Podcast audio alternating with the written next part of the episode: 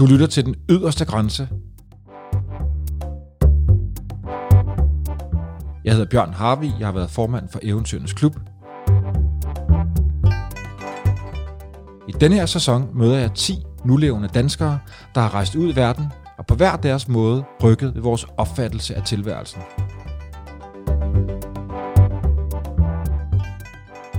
Jeg taler med en pilot, en krigskorrespondent, en pelsjæger, en vagabond, en naturfotograf, en ekspeditionsleder, en kunstner, en bjergbestiger, en hesterytter og en astronaut.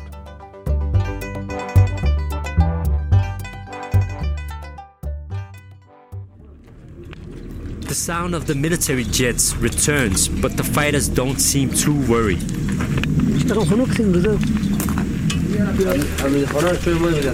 They even stop to pick up fruit on the way. But I'm concerned about the NATO planes circling above us.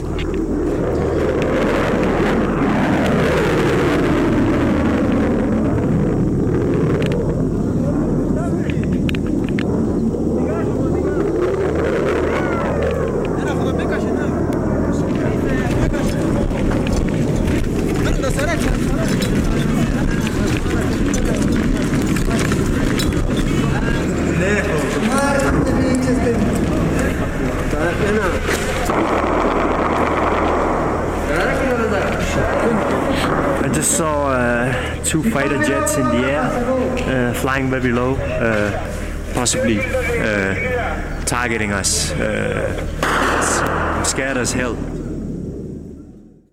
Hvad sker der her, Natib Kaya? Du er krigskorrespondent, og det er dig, der har optaget lydfilen. Jeg er på vej væk øh, fra frontlinjen sammen med en gruppe talibaner i øh, Logar-provinsen i Afghanistan. Øh, jeg har fået lov til at være embedded med dem, så de har lige forsøgt at indtage en afghansk base, øh, en øh, afghansk militærbase. Og øh, på et tidspunkt, så dukker der øh, NATO-fly op i luften, og de her fly, de dykker, ligesom om de skal angribe os. Øh, så talibanerne og jeg, vi flygter derfra.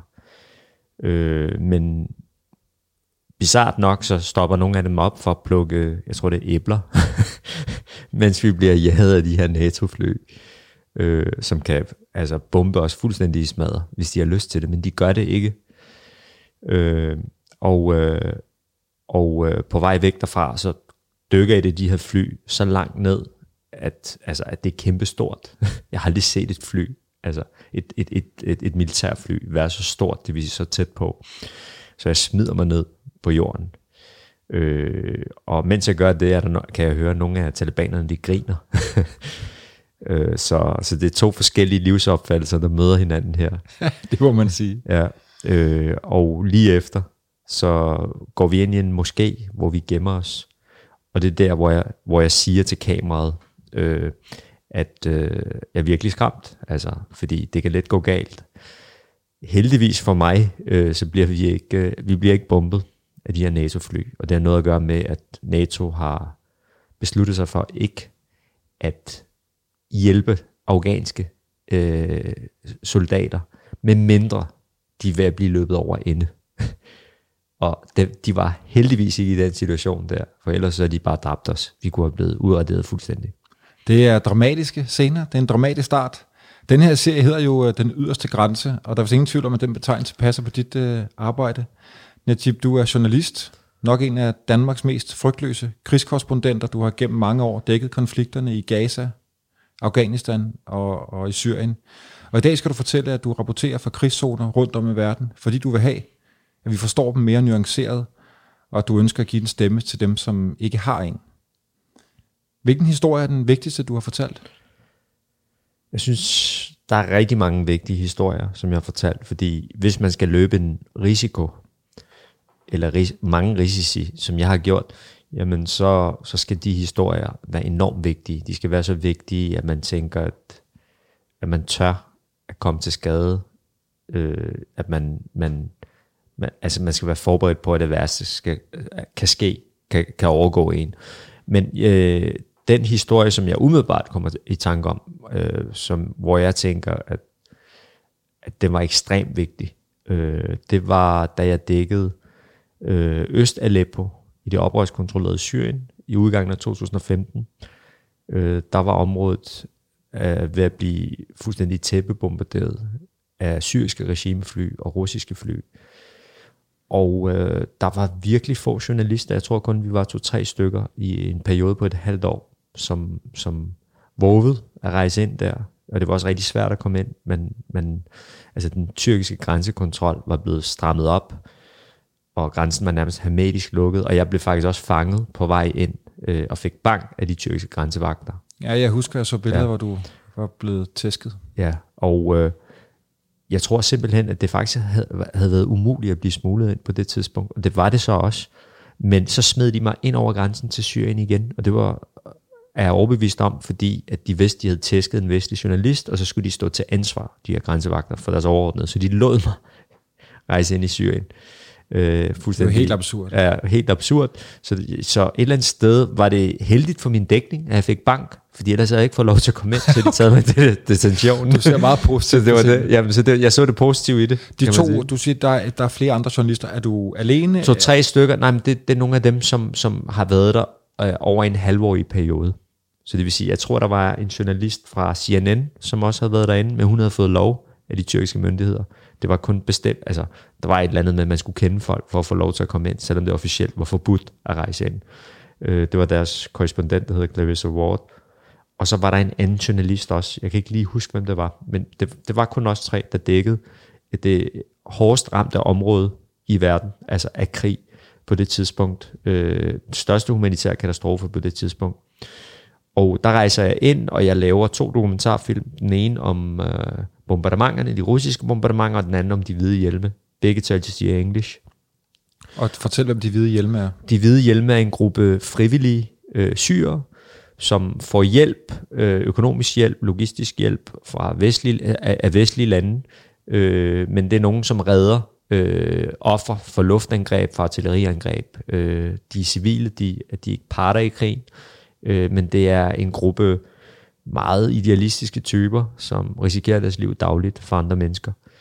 Jeg har set din film, og der, det, det er jo øh, vanvittige billeder, der udskiller sig. Det, er simpelthen, det lader til, at de simpelthen er på standby. Altså lige så snart, at en granatbombe rammer, så rykker de ud som nogle af de første for at kunne redde folk i murbrokkerne osv.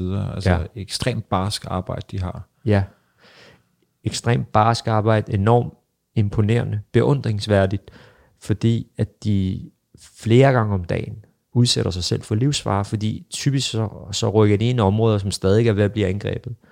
Og selv når der ikke bliver angrebet det sted, de rykker ind, så er der en overhængende risiko for, at helikopter og fly vender tilbage og bomber det samme sted.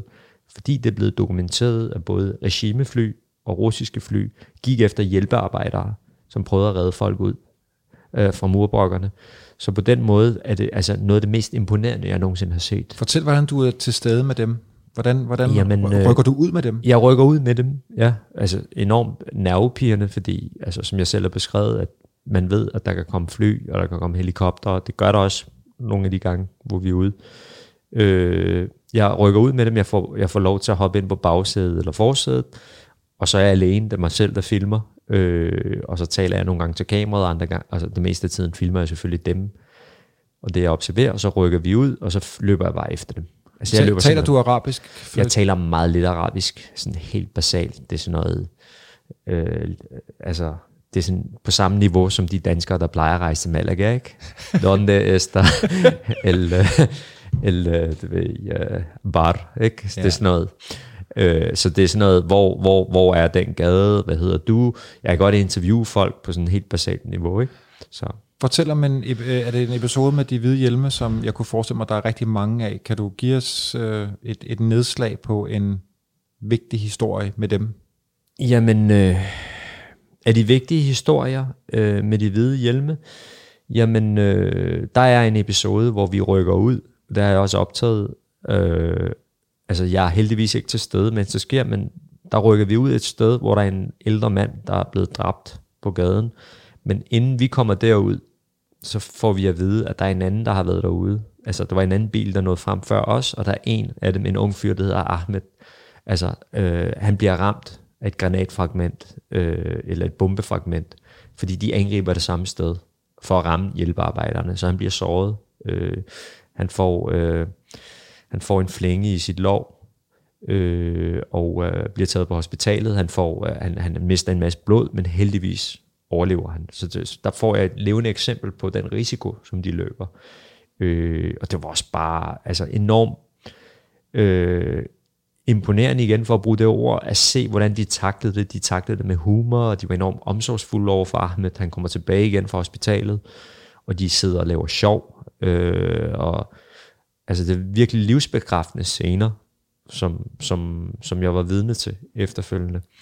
Og så var de klar igen samme aften til at rykke ud, selvom det lige var sket, og de var klar til at rykke ud dagen efter os. Og det, det er jo formentlig folk, der har, allerede har mistet pårørende, familiemedlemmer, og som alligevel på en eller anden måde øh, nu bruger deres øh, liv og deres øh, ja. energi til at, at, at hjælpe dem, der virkelig har brug for det. Det gør de, og øh, nu taler vi om de hvide hjelme, men en, en personlighed, som, som virkelig rørte mig også i Syrien, det var et halvt år inden, ikke et halvt år faktisk, øh, halvandet år inden jeg, jeg var sammen med de hvide hjelme i 2014, for at nævne personer, der har gjort indtryk på mig.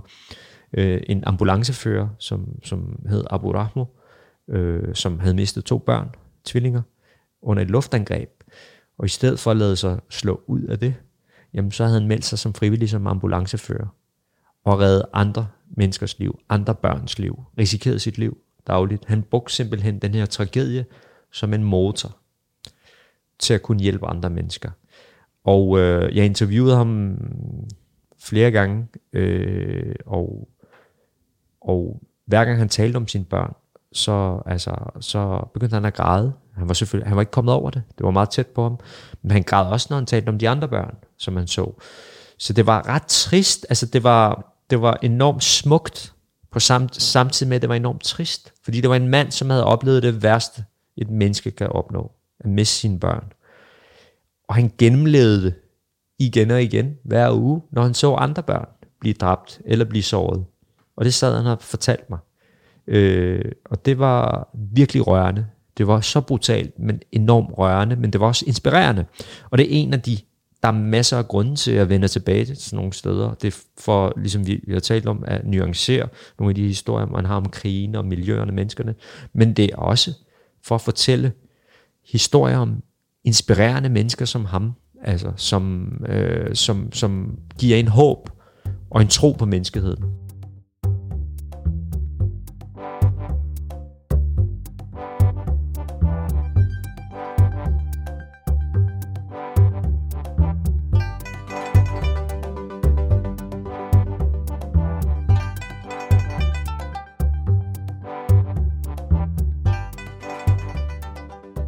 Når du taler, Najib, så kan man ikke lade være med at tænke på 10 nye spørgsmål, der dukker op.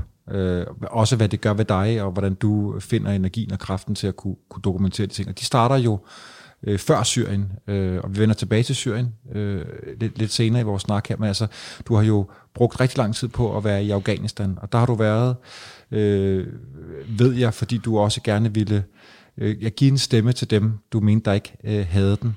Øh, og du laver jo også en, for nogen en kontroversiel beslutning i, øh, i Afghanistan. Du bliver embedded, øh, øh, eller du kommer, øh, du ønsker at dokumentere krigen fra, fra i går så en fjendens side. Du bliver embedded med, med, med Taliban. Prøv at fortælle, hvad, hvad det betyder. Jamen, øh, jeg tror jo på, at vi som journalister, øh, at vi skal agere neutralt, at vi skal, vi skal portrættere virkeligheden, øh, vise den som den er. Og det mener jeg ikke, man kan, hvis man kun dækker den fra den ene side. Øh, og det gælder uanset hvilken konflikt vi taler om.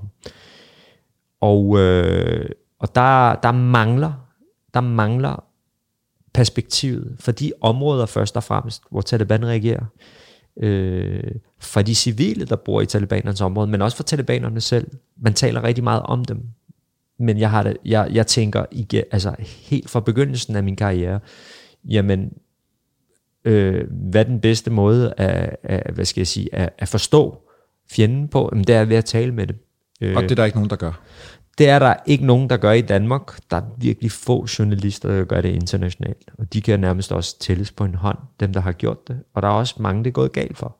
De er endt med at blive kidnappet, øh, fordi det er en fjende, som ikke er lige så organiseret, og der er rigtig mange, altså der er også ideologiske talibaner, men der er også altså banditter, hvis man kan kalde dem for dem. Altså, jeg ved godt, at nogen mener, at de andre, alle talibaner er banditter, men der er talibaner, som ligesom tror på deres sag, og så er der talibaner, som bare er opportunister og er i bevægelsen for at lave penge.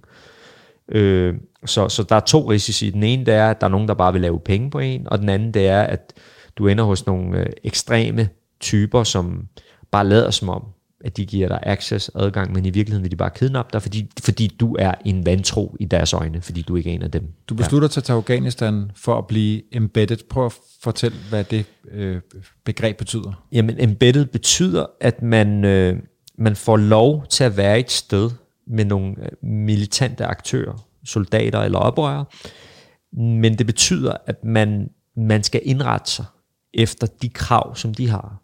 Det vil sige, de, de har en præmis om, hvad man må og hvad man ikke må, men samtidig med det lover de også at beskytte en. Og alle, det, der har, alle dem, der har gjort noget lignende i forvejen, de har gjort det. Danske journalister med dansk militær. Med det dansk sige, det, det, det er de briller, man ser det igennem. Det er de rammer, man bliver nødt til at arbejde indenfor. Ja, og det kan, der, der, er altid, der er store udfordringer med at være embedded, fordi det betyder, at du ikke har den samme bevægelsesfrihed af sikkerhedsmæssige årsager, som dansk journalist hos danske soldater, eller hos amerikanske osv. Øh, øh, og som vestlig journalist hos talibaner også. Øh, det gør, at, at du ikke måske kan få adgang til de, alle de områder, du har lyst til at være. Du kan ikke tale med alle dem, du har lyst til. Øh, men også den der usynlige afskærmning, der kommer. I og med, at du er sammen med nogen, som nogle andre ikke kan lide, så kan det være, at det allerede der gør, at du overhovedet ikke kan tale med nogle bestemte typer for eksempel civile, der er bange for udlandske tropper, eller ikke kan lide udlandske tropper, de vil måske afholde sig fra at tale med dig. Eller omvendt, hvis jeg er sammen med talibanerne, så, så, er, det, så er det det samme problem, bare med omvendt foretegn. Hvordan kommer sådan en aftale i, i stand?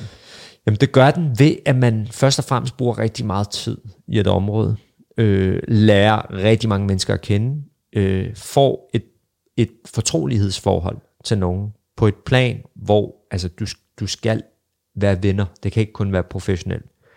Øh, og i mit tilfælde, jamen der er altså det klip, som vi hørte, øh, den aftale, som sikrer mig adgang til et område, der hedder Chak i Loga, det gik igennem en af mine, mine venner, kolleger i Afghanistan, en afghansk journalist, som havde en gammel klassekammerat, hvis storebror, en gammel klassekammerat og en rigtig god ven, hvis storebror var talibaner.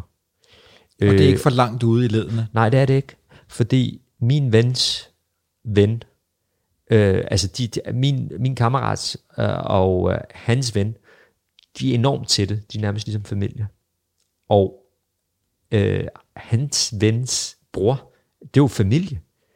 Og, og, og når det går, altså når man gør det på den her måde, hvor der er tillids, 100% tillidsforhold hele vejen igennem, jamen så altså er, vil et eventuelt forræderi være så stort, at det vil smadre rigtig mange ting. Det vil få en konsekvens socialt. for det vil andre. Have, det vil have en konsekvens for andre mennesker. Ikke? Den aftale, ja. laver, hvad, hvad indebærer den?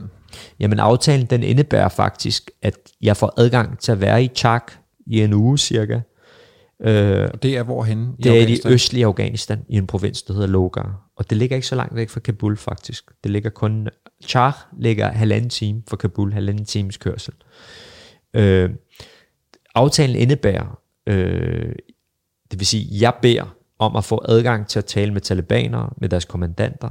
Jeg beder om at få lov til at filme deres domstol. Jeg beder om at få lov til at senere, altså får jeg så også lov til at filme dem, mens de er i krig. Det sker lidt pludseligt. Det var ikke en del af intentionerne. Så konflikten raser mellem ja. talibanerne på den ene side, og så afghanske sikkerhedsstyrker ja. og, og deres vestlige partnere. Ja, på ja. den anden side. Og jeg beder også om adgang til de civile. Og jeg spørger, om jeg kan, være, altså, om jeg kan få frit lejde i char. Fordi det, der er problemet med at være embeddet nogle gange, hos øh, vestlige soldater, eller hos oprørere forskellige steder i verden, øh, men det er, at af sikkerhedsmæssige årsager, for eksempel hvis du er dansk journalist, så, så, så får du ikke lov, så, så er aftalen, at hvis du er med dem, jamen så kan du ikke bare rende rundt i garage helt alene på egen hånd. Øh, eller for mit vedkommende, i det område, jamen så kan jeg måske ikke få lov til at rende rundt i char. Altså den risiko er der. På egen hånd, af sikkerhedsmæssige årsager, vil de også sige, men det kan også være, fordi de gerne vil styre mig og kontrollere mig, og sørge for, at jeg taler med de rigtige mennesker. Kan de, tale, kan de tale frit? Altså du havde intentionen og forhåbning ja, om, at du altså, ville ud og tale med, jeg, med, med ja, lokale øh, civile, som forhåbentlig kunne nuancere billedet af den her konflikt. Også hvem er Taliban? Hvem tør man som lokal sætte sin lid til? Militæret er der kortvarigt, de forsvinder igen. Det er en, det er en lang... Øh, øh, historie, man har som afghaner, forestiller man, der, kom, der har været russere, der har været alle mulige andre. Hvem kan man sætte sin lid til? Ikke lid til, men Taliban er der, man må indordne sig. De lo- lokale, de civile, tør de tale frit med dig, når Taliban er i nærheden? Altså, de første... Øh, altså, det der sker, det er, at jeg bliver placeret hos en familie. Øh, en civil familie i Char. Og øh, det, der overrasker mig, det er, at der er ikke nogen, der holder øje med mig. Altså, jeg forlader sammen min lokale afghanske stringer, øh, lokale samarbejdspartner, en anden journalist. Jeg forlader det her hjem her, går rundt i Char, uden Så at der, der er nogen, der stor overordner. bevægelsesfrihed? Der er stor bevægelsesfrihed. Okay. Jeg har ikke nogen overfrakke. Øh, og det overrasker mig. Øh, og øh, de første par dage, hvor jeg filmer meget med dem, der taler jeg også med nogle civile på gaden. Og det, der overrasker mig i Chak, det er, at der er nogle af dem, de taler ikke, altså jeg, der er nogle enkelte civile, som faktisk ikke kritiserer regeringen. Jeg spørger dem om, hvem de synes om, Taliban eller, øh, eller regeringen, og så siger de, nå, men de er begge fine nok, siger de så. Så det virker som om, at Chak er et område, hvor der er lidt mere ytringsfrihed, end i andre Taliban-kontrollerede områder. Fordi det prøver jeg senere. Der kommer jeg andre steder hen, hvor folk simpelthen slet ikke tør at sige noget neutralt om regeringen. Øh, så, så, så det vil sige, at der er en øh, lidt ytringsfrihed er der åbenbart i det område. De virker ikke bange, og de der talibanere, som er der, de unge mænd, der er i bevægelsen, de virker som om, at de er viklet fuldstændig ind i øh, klanerne i, i området. Så det er familiemedlemmer alle sammen. De kender hinanden på kryds og tværs folk. Kan du ikke for, prøve at fortælle, hvad, hvordan sådan en familie lever? Hvem er de? Hvordan ser det ud? Jo, Deres hus? Altså Jo. Sådan, ja. det, det vil jeg gerne, øh, men bare lige for at tage den videre før, fordi jeg får faktisk efterfølgende, der går jeg også rundt og taler med civile, øh, uden talibanerne, øh, interviewer dem, og, og efterfølgende så kommer jeg tilbage til Kabul på lang afstand fra det område også, hvor jeg også møder folk fra Char, og ligesom får bekræftet nogle af de informationer, som jeg også fik fra, for folk der, og der får jeg, øh, et, føler jeg et meget gennemlyset indtryk af, hvordan situationen er i området. Det er bare fordi, du spurgte mig. Men i forhold til familien, hvordan sådan en familie er, jamen Afghanistan, øh, der bor størstedelen af befolkningen ude, ude på landet. Øh, og øh, de bor typisk i sådan en slags øh, gå- øh, gård, øh, som omgrænser nogle mure, øh, og de har typisk husdyr. Og, øh, og de fleste afghanere, øh, de er enten småhandlende eller bønder.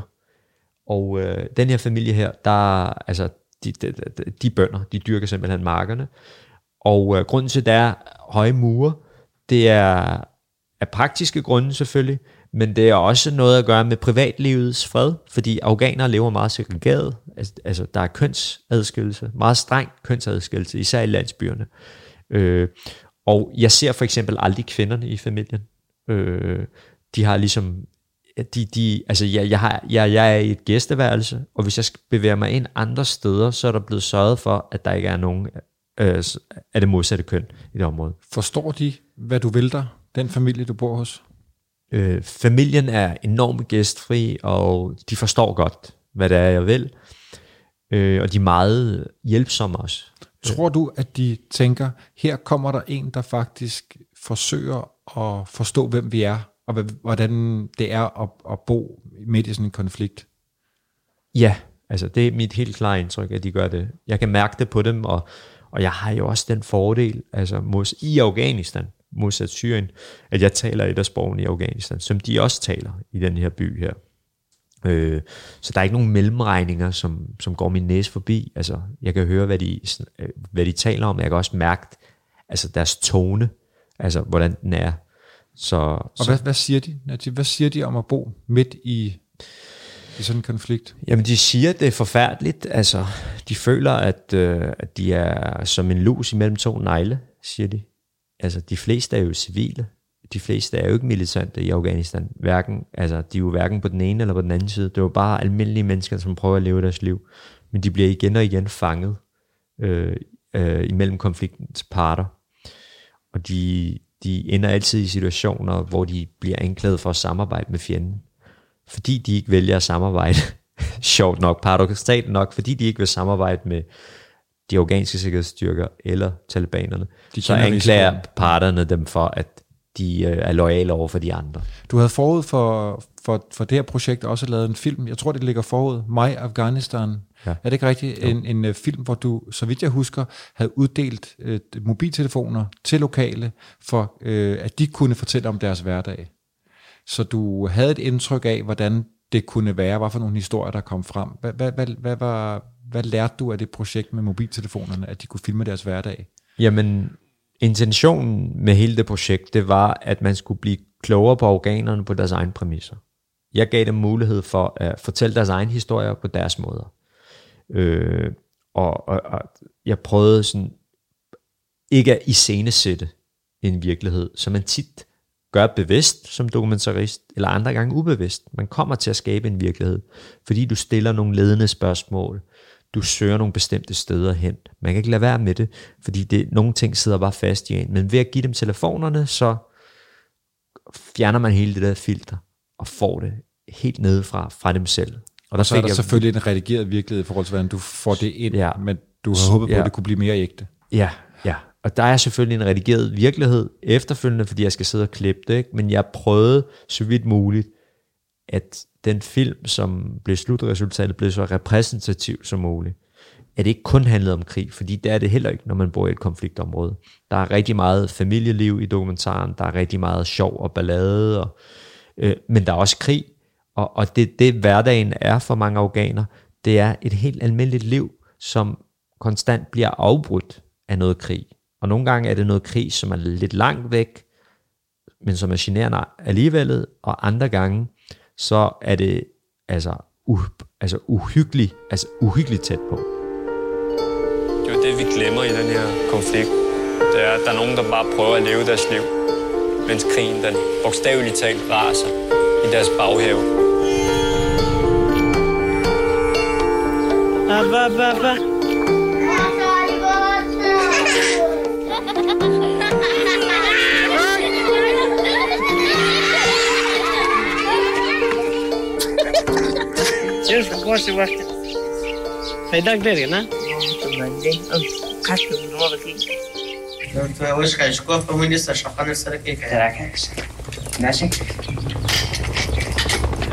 Is he filming for the Taliban? Hey, gel. Ve lotmadı.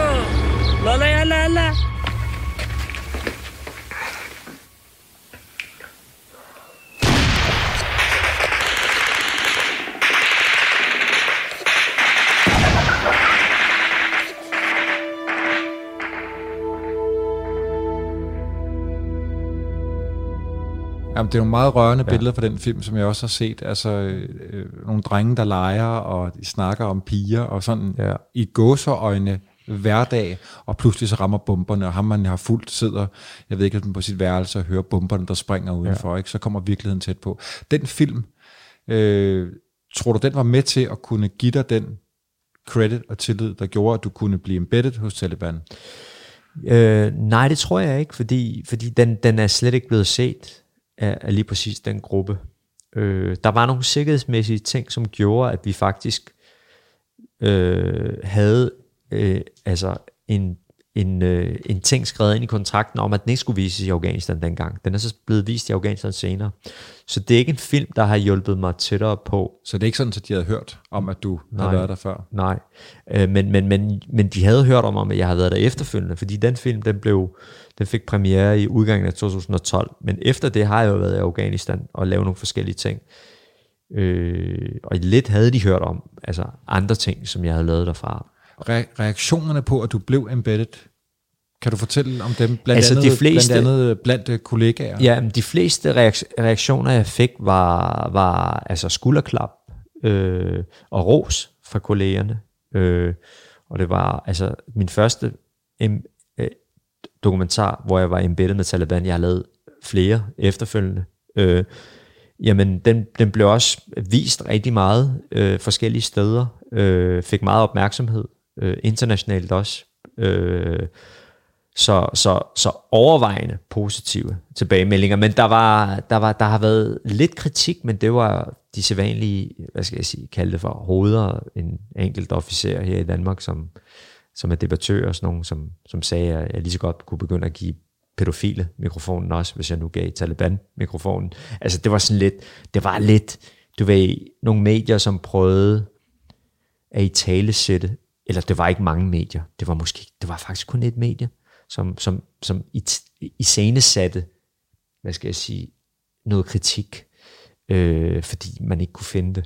Najib, når man, når, man, når man hører det her, ja. du har været embedded hos Taliban, så tænker ja. man, at du må være ekstremt farligt, dramatisk. Du ja. er ude på slagmarken med dem. Ja. Giv et eksempel på det. Jamen, det er enormt øh, øh, grænseoverskridende, fordi at når man er embedded med vestlige soldater, jamen, øh, så bliver man glad, når man hører lyden af, af jægerfly, fordi de er jo på vores side, det vil sige, at hvis, hvis man får problemer, jamen, så kan de komme og redde dagen. Øh, her er det helt omvendt. Du er sammen med en, en, en i hvert fald materielt underlegen øh, part, og, øh, og det er nogen, som også tager lidt lettere, eller meget lettere på livet. De er meget fatalistiske. Og nogle af dem, de, de ser frem til at blive dræbt og blive martyrer. Så det er en helt anden tilgang til sikkerhed. Øh, det er ikke alle sammen, der har den der lemfældige, skal det lige siges, men, men, men, men, men de, de er mere tilbagelænede, de er mere uprofessionelle, og de er mere udsatte også. Fordi når du sidder oppe i et fly, eller i en drone, så kan du zoome helt ind på dem, især når, det, altså, når, når der er lyst. Øh, og, og, så, og, så kan man, og så kan man bombe folk øh, fra lang afstand. Øh, så man er enormt sårbar, enormt nøgen og udsat. Og det var meget nervepirrende. Du er på slagmarken på et tidspunkt med en gruppe af Taliban-krigere, hvor at også til din overraskelse, at nogle af dem faktisk er selvmordsbomber. Ja. Altså de skal, øh, uden du havde fået det forklaret, ja. så skal de ud på en aktion. Ja. Kan du fortælle ja, om den jamen, vi, oplevelse? Altså, jeg er sammen med en, uh, den, her tale, uh, den her gruppe af talibaner, som, som prøver at løbe en afghansk militærbase over inden. Og øh, der er en fortrop, og vi er, vi er bag fortroppen. Og da vi så når frem til et bestemt sted, så, så peger en af de her unge talibaner, som jeg er med, og siger, prøv at se derop, zoom lige ind med kameraet, og så zoomer ind, og så kan jeg se tre, to eller tre mænd løbe mod, en base, mod basen. Og så fortæller han mig, at det er selvmordsbombemænd, som, som prøver at sprænge porten i stykker. Det er der, det går de for dig? kan løbe ind. Ja, der går det, der går det op for mig. Ej, hvad, hvad, hvad sker der? Jamen, de prøver at komme ind, og øh, altså, men, men, men øh, de er de vakse, de afghanske sikkerhedsstyrker, og de får ram på den ene af dem. Han dør. Men den anden eller de to andre overlever. Altså, de, når, de, de, de formår ikke at komme komme over og sprænge den der base der. Øh, så, så, så deres mission lykkes ikke. Øh, og der, altså de, de mister to mænd den dag, talibanerne. Og dagen efter, øh, der er faktisk til deres begravelse også, og hvilket også er en unik oplevelse at komme til talibanernes begravelse, ikke? hvor det de bliver helt, hyldet. Det er jo helt ja. absurd historie. Du, det er ja. nogle folk, du har, jeg ved ikke, hvor lang tid du har været sammen med dem, men du har jo mødt de der ja. to mænd. Hvordan, ja. hvordan påvirker det dig? Jamen, altså det er jo ikke to mænd, som, som jeg ligesom har siddet og talt med, fordi jeg, jeg møder ret mange. De er ret mange i en moské. De sidder i en moské og forbereder sig om natten, ikke? Men, men det påvirker der mig på den måde, at, at de lige pludselig ikke taler statistik jo. Det er jo, det er jo mennesker af kød og blod. Og det er jo det, der er med krig.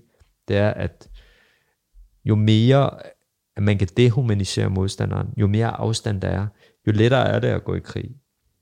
Og, øh, og jeg sidder jo, altså jeg sidder jo og spiser med nogle af dem, drikker te med nogle af dem, og der er nogle af dem, der tager lidt pis på mig. Og de, altså, det er jo noget helt anderledes, end hvis jeg havde siddet hos de afghanske sikkerhedsstyrker, og de fortalte mig, at de havde dræbt to talibaner, to selvmordsbombemænd.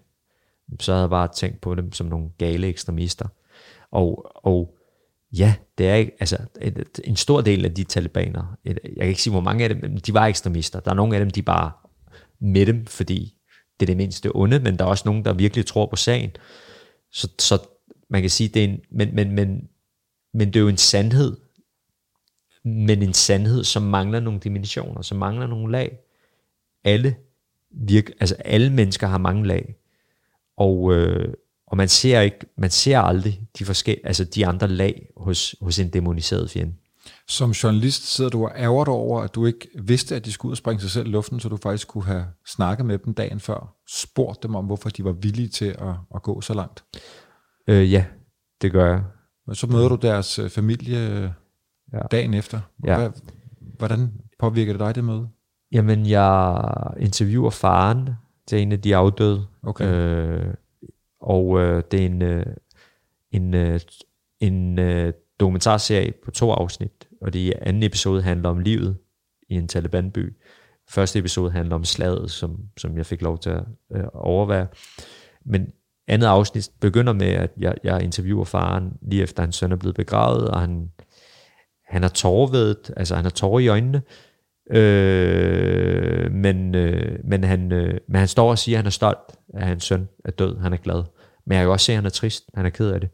Så det er bare sådan en facade, han er på, fordi det forventes, at han skal være stolt, fordi hans søn er blevet martyr. Øh, og jeg kan også se, at det er en ældre mand, at selvfølgelig ville han gerne dø før sin egen søn. Der er ikke nogen, der vil overleve sin egen søn. Øh, og, øh, og det påvirker mig at se, at, at så fattige mennesker, fordi jeg kan se, at det er en fattig og slidt mand, altså, at, at, at de er fanget i, i, i den her onde spiral, fordi det er jo en del af den her tragedie. Det er, de her fodsoldater, der dør, det er jo fattige unge mænd på begge sider, som, som kæmper ofte, fordi at de fleste af dem, de er jo ikke ide, ide, ide, ideologiske. Det er jo nogen, som kæmper med Taliban, fordi de får løn af dem. Eller fordi de måske øh, er tvunget til det på en eller anden måde. Social Kæm, pres. Kæmper nogle andres kamp? Ja, social pres. Øh, eller at de, der er overgået dem nogle, nogle dårlige ting. Fordi den afghanske regering er heller ikke, altså deres folk er heller ikke Guds bedste børn. Der er rigtig meget korruption, der er rigtig meget undertrykkelse. Og i den her by så jeg også, at der var nogle civile hjem, der var blevet bombet af afghanske sikkerhedsstyrker. Så det kan også være hævn, at man, at man ser Taliban som et mindre onde lige præcis der, fordi man har oplevet øh, den afghanske regerings domstol og politi, som har været korrupte.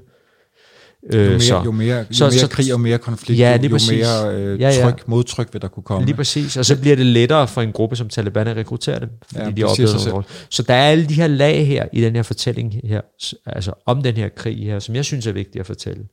Najib, hvordan har du, hvordan har du for, forberedt dig på det her? Altså rent journalistisk, men også øh, øh, følelsesmæssigt, menneskeligt. Har du, har du talt med andre journalister om det her? Folk, der har haft andre erfaringer fra andre krig- og konfliktzoner, som du kan lære noget af? Altså, jeg vil sige, de, de første ture, jeg havde dernede, der havde jeg ikke så mange, jeg kunne spare med. Altså, fordi at der er så få mennesker, der har gjort det her.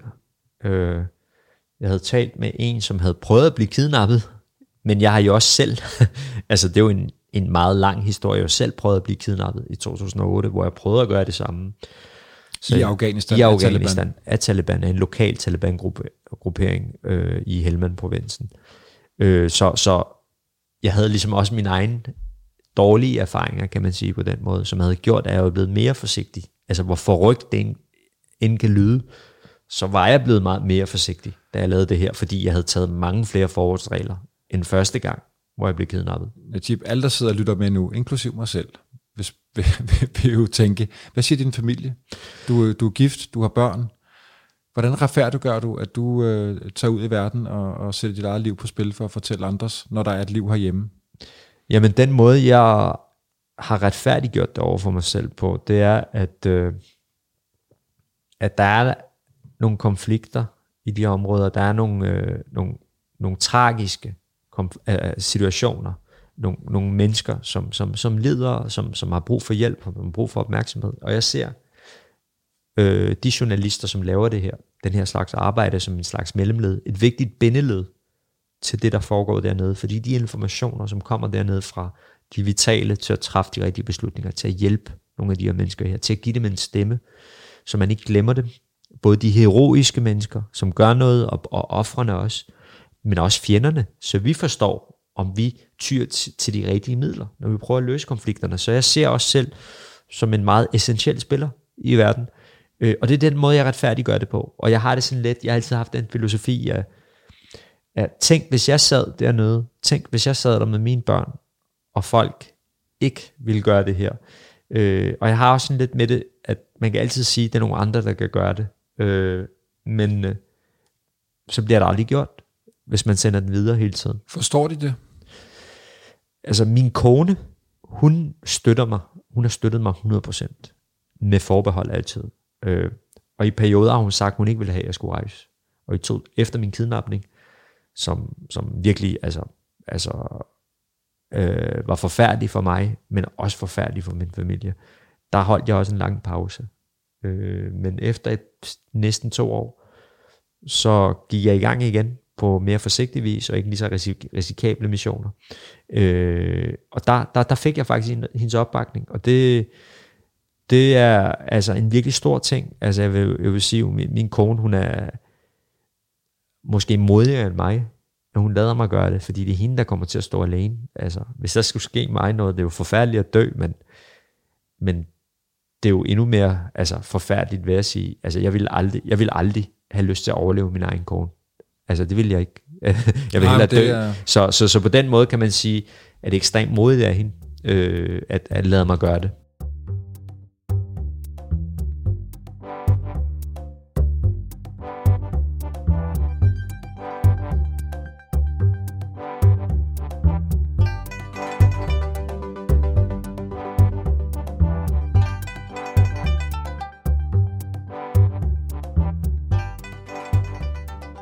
De, de journalister, der er gået foran dig, hvem, hvem er det? Øh, altså i forbindelse med den her slags dækning? Ja, eller, eller den måde, du angriber Nå, den måde, jeg angriber, angriber på. Altså, angriber ja, på. Altså, jeg har, har i rigtig mange år været en kæmpe stor fan af Robert Fisk, som har været journalist for Independent, øh, og som har rapporteret fra Mellemøsten, og som jeg synes har afstereotypiseret Mellemøsten, fortalt nogle lag, som ikke er blevet fortalt øh, ikke har været den der faldskærmsjournalist, som bare lige tog ned i et fremmed miljø, filmede og tog hjem igen. Brugt meget tid og havde et utroligt netværk. En af de få mennesker, som interviewede Osama Bin Laden for eksempel.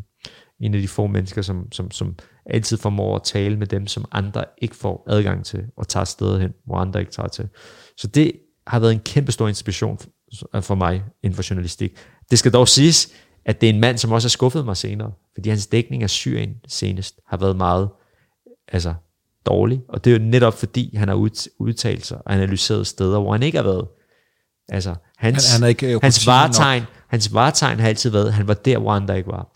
Men det er fordi, han har berettet, han har haft holdninger og analyseret oprørskontrollerede områder i Syrien, hvor han ikke rejste rundt.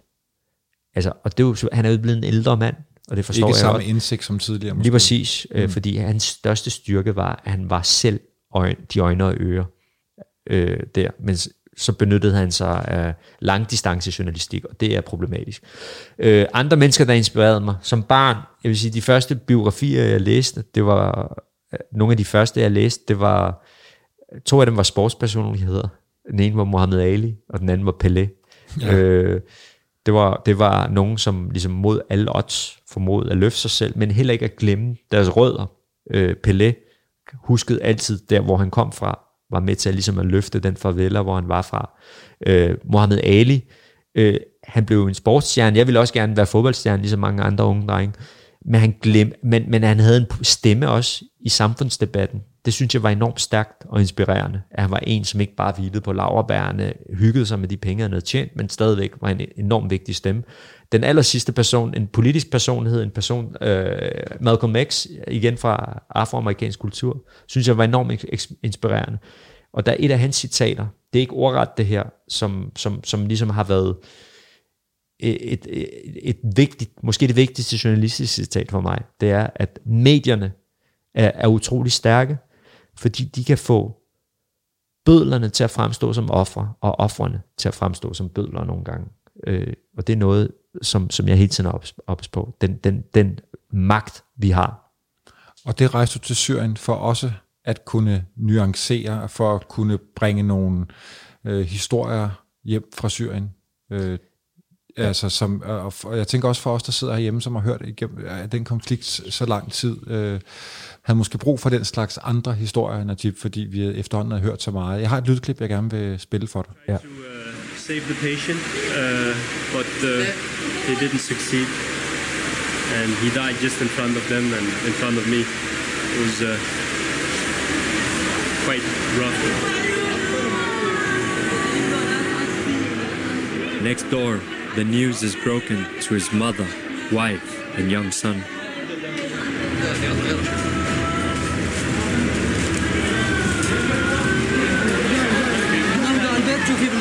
The family want to see him, but while their colleagues clear up and gather his effects, staff are concerned it will be too much for them.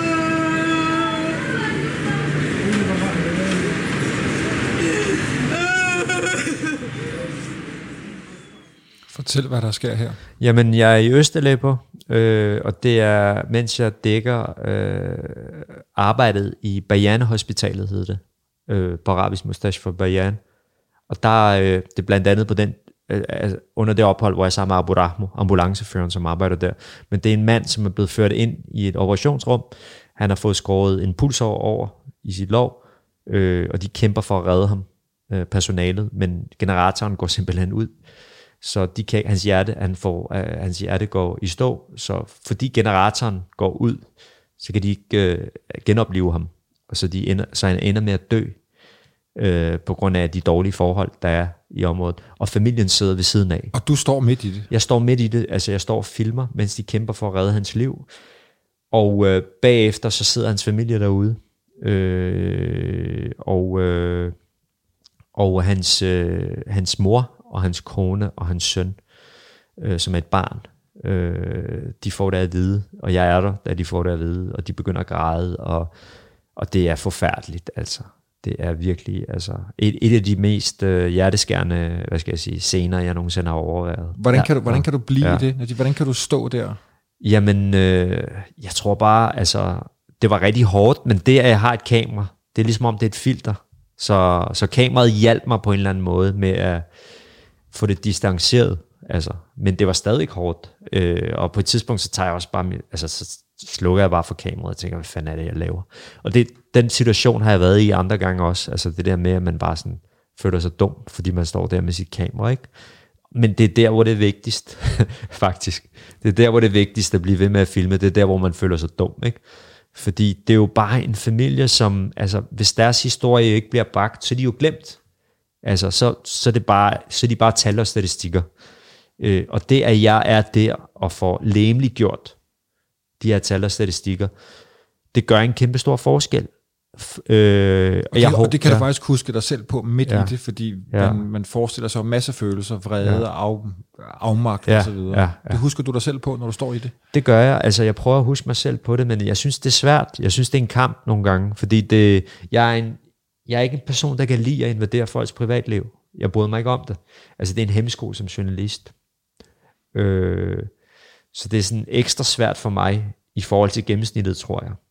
Fordi jeg er sådan, øh, jeg er en, som er meget, øh, hvad skal jeg sige, øh, påpasselig med at overskride folks grænser.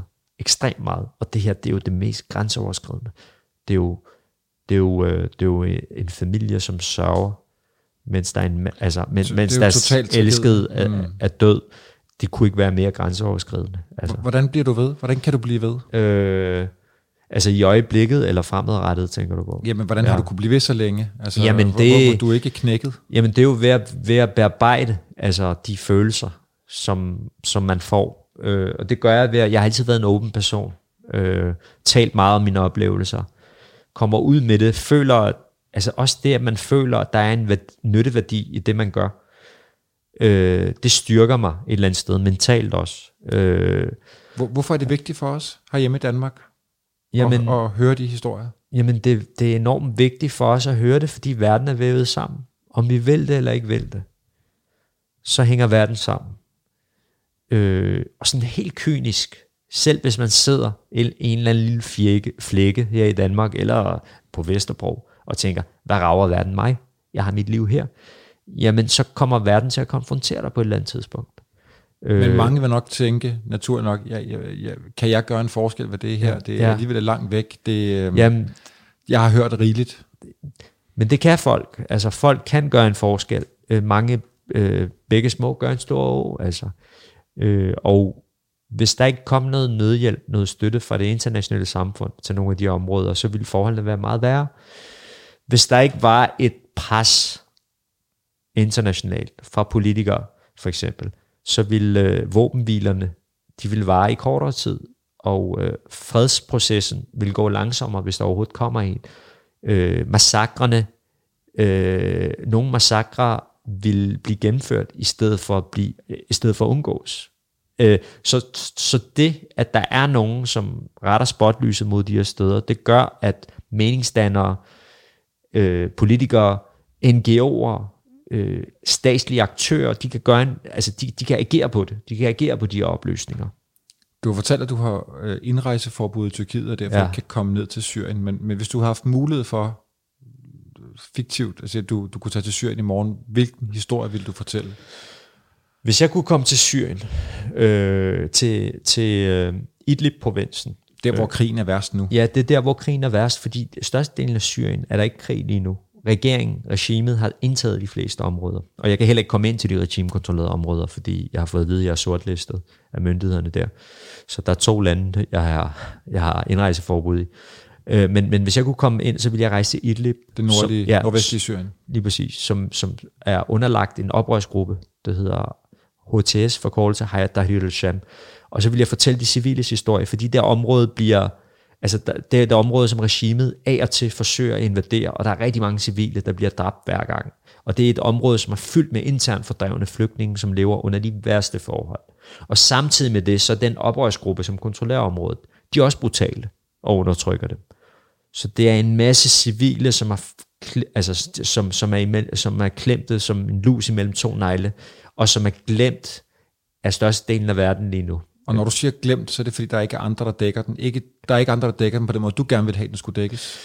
Det er glemt, fordi der ikke er nogen, som dækker den i så høj grad, som området altså at mediestanden, den samlede mediestand, gør ikke nok for at dække den. Og det er der gode grunde til, for nogens vedkommende, for andres er der ikke gode grunde til det. Altså, nogen er det rent sikkerhedsprocedurer, fordi det er farligt at være der, og det forstår jeg. Det forstår jeg. Øh, men men for, for andre mediers vedkommende er det, fordi Syrien ikke længere er en sexet krig, hvis jeg skal bruge det ord. Øh, det er jo fordi, der ikke er nogen umiddelbare terrortrussel, altså typisk en faktor, som gør, at man interesserer sig for et sted. Da islamisk stat var på sit højeste, så ville hele verden gerne dække Syrien, men nu er islamisk stat altså nærmest nedkæmpet. De eksisterer kun i små celler i det. Og Hayat Tahrir al-Sham, HTS, de er ikke en trussel mod altså, de vestlige samfund, så derfor er det heller ikke sexet på samme måde. Så Syrien er ved at blive uinteressant? Ja. ja det er den allerede? Ja. Najib, tusind tak for din kamp og dine historier, og jeg håber, vi kommer til at høre mange flere for dig, selvom der måske går noget tid. Tak fordi du kom i dag. Selv tak for invitationen.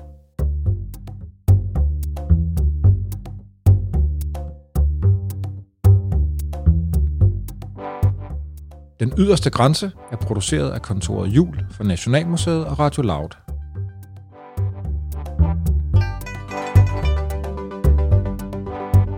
Find serien på vorestid.dk eller der, hvor du normalt finder dine podcasts.